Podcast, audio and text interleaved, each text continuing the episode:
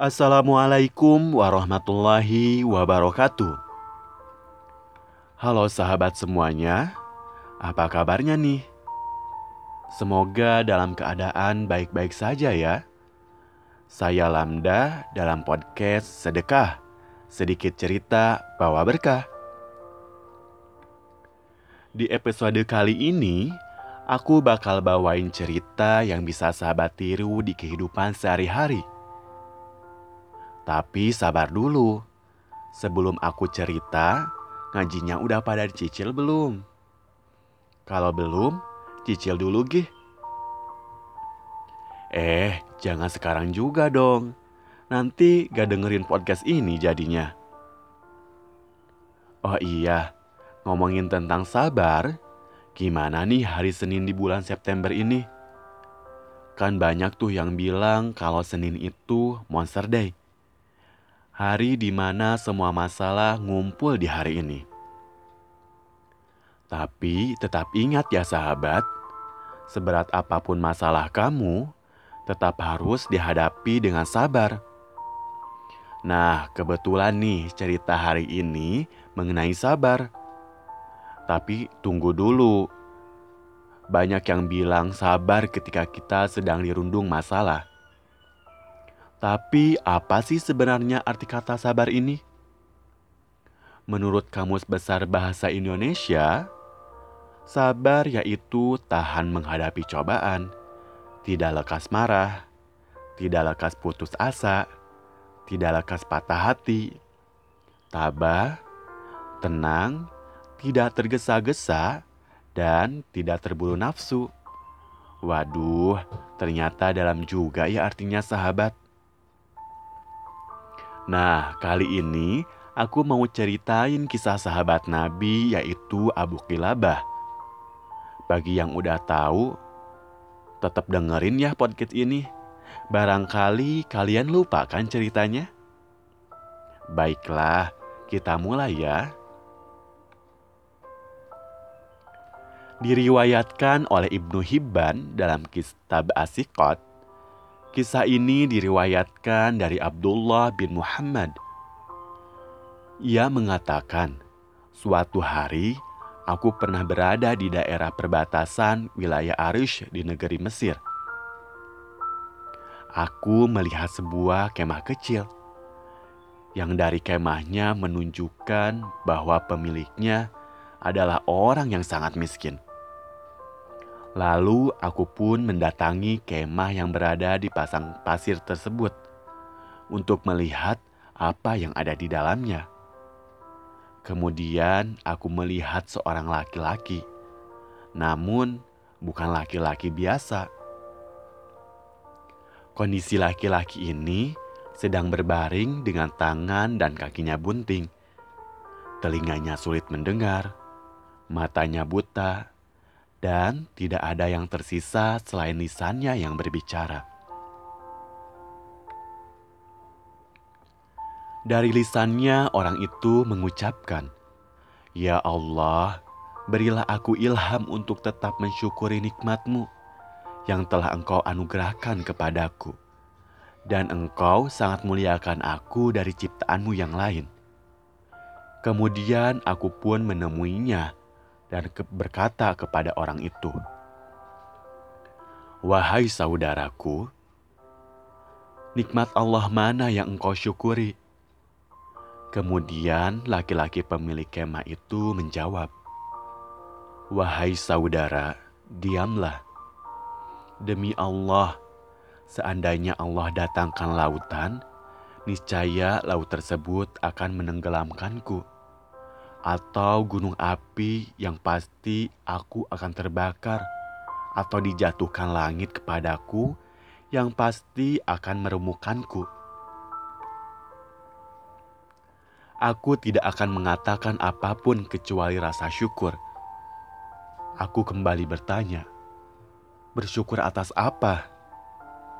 Laki-laki pemilik kemah itu menjawab lagi, Tidakkah engkau melihat dia telah menganugerahkan aku lisan yang senantiasa berzikir dan bersyukur? Di samping itu, Aku juga memiliki anak yang waktu sholat, ia selalu menuntunku untuk ke masjid. Dan ia pula yang menyuapiku.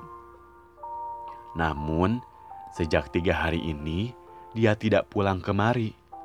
Bisakah engkau tolong carikan dia? Aku pun menyanggupinya dan pergi untuk mencari anaknya. Setelah beberapa saat mencari, aku mendapati jenazah yang sedang dikelilingi oleh singa. Ternyata anaknya laki-laki itu sudah dimakan oleh singa. Aku pun bingung bagaimana caraku untuk mengatakannya kepada laki-laki pemilik kemah itu. Aku pun kembali dan bertanya kepadanya, "Wahai saudaraku, sudahkah engkau mendengar kisah tentang Nabi Ayub?" Laki-laki itu menjawab, "Iya, aku tahu kisahnya." Kemudian aku bertanya lagi, "Sesungguhnya Allah telah memberinya cobaan dalam urusan hartanya. Bagaimana keadaannya dalam menghadapi musibah itu?" Ia menjawab, ia menghadapinya dengan sabar. Aku kembali bertanya, "Wahai saudaraku, Allah telah menguji Ayub dengan kefakiran. Bagaimana keadaannya?" Ia menjawab, "Ia bersabar."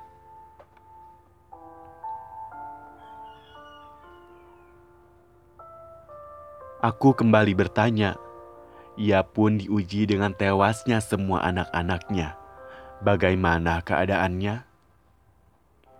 Ia menjawab, ia tetap bersabar. Aku kembali bertanya. Ia juga diuji dengan penyakit di badannya. Bagaimana keadaannya? Ia menjawab dan balik bertanya. Ia tetap bersabar. Sekarang katakan padaku, di mana anakku? Kemudian aku berkata, Sesungguhnya putramu telah aku temukan di antara gundukan pasir dalam keadaan telah diterkam dan dimakan oleh binatang buas. Semoga Allah melipat gandakan pahala bagimu dan menyabarkan engkau. Kemudian laki-laki pemilik kemah ini mengatakan, Alhamdulillah, yang dia tidak meninggalkan keturunan bagiku yang bermaksiat kepada Allah, sehingga ia diazab di neraka. Kemudian ia menarik napas panjang lalu meninggal dunia. Aku pun membaringkannya di tangannya dan berpikir apa yang harus aku perbuat. Aku sendirian dan bagaimana aku mengurus jenazah ini?' Kemudian aku tutupi dengan jubahku, dan beberapa saat kemudian lewat empat orang laki-laki mengendarai kuda. Mereka berkata, "Wahai saudara, apa yang telah terjadi padamu?" Kemudian aku pun menceritakan kepada mereka apa yang telah aku alami, dan aku meminta bantuan kepada mereka untuk mengurus jenazah laki-laki ini. Mereka bertanya, "Siapa dia?" Lalu aku menjawab, "Aku juga tidak mengenalnya. Dia dalam keadaan sakit dan memprihatinkan." Kemudian keempat laki-laki ini meminta untuk membuka penutup wajahnya, karena mungkin salah satu dari mereka mengenalnya.